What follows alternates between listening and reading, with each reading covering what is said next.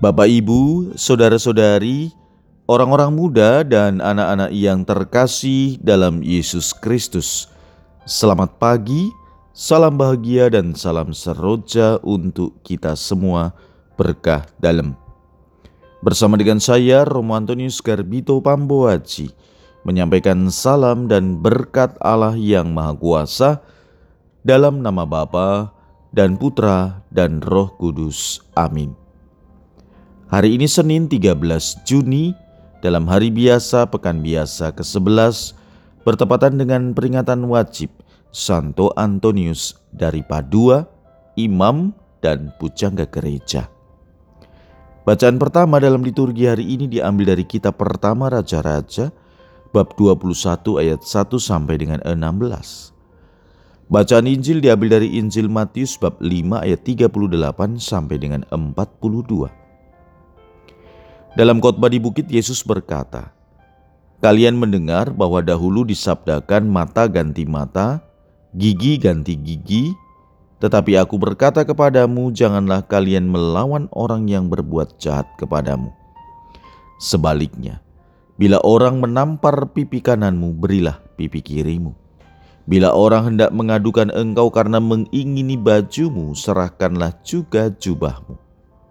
Bila engkau dipaksa mengantarkan seseorang berjalan sejauh satu mil, berjalanlah bersama dia sejauh dua mil.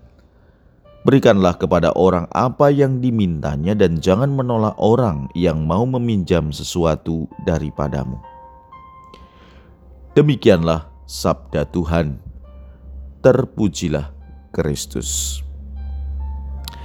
Saudara-saudari yang terkasih, hari ini Yesus memberi perintah yang bisa jadi bagi kita sulit dan mungkin juga tidak masuk akal.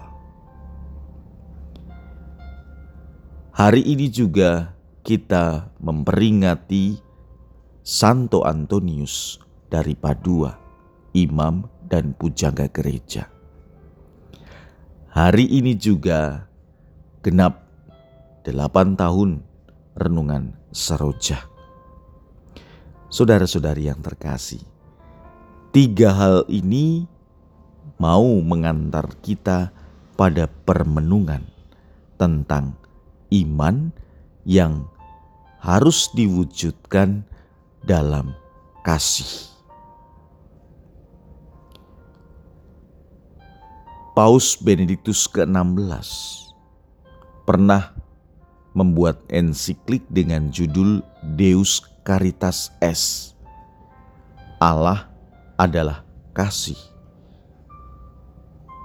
Orang yang dari dirinya tidak kita cintai, bahkan mungkin juga tidak kita kenal, mulai kita kasihi dan kita cintai berawal dari Allah. Dari perjumpaan kita dengan Allah itulah kita mulai mengasihi. Sampai dengan rasa yang terdalam, kita menyatukan kehendak kita dengan Allah. Orang lain, bahkan yang memusuhi kita, kita pandang bukan dengan mata dan perasaan, melainkan dengan perhatian akan Yesus yang hadir dalam diri mereka. Melalui pemahaman ini, kita bisa berjumpa dengan Allah dalam diri sesama. Itulah rumusan kasih Allah. Itulah rumusan Allah yang adalah kasih. Dan dengan rumusan itulah juga Santo Antonius dari Padua yang kita peringati hari ini mengajarkan semangat cinta kepada Tuhan dan sesama. Hasilnya sungguh luar biasa. Santo Antonius berhasil membawa banyak penganut aliran sesat kepada pertobatan. Pesan Yesus hari ini pun jelas. Hendaknya kita senantiasa berani memberikan diri dari biasanya. Kalau orang berbuat jahat, maka tidak boleh kita balas dengan kejahatan, tetapi harus dibalas dengan kebaikan. Karena perbuatan kasih adalah jalan untuk mengenalkan Tuhan kepada sesama. Semoga renungan seroja juga membawa kita untuk sampai pada perbuatan kasih, bukan berhenti pada permenungan saja. Marilah kita berdoa. Tuhan, kami bersyukur bahwa hari demi hari Engkau mengingatkan kami untuk mengembangkan dan mewujudkan iman kami.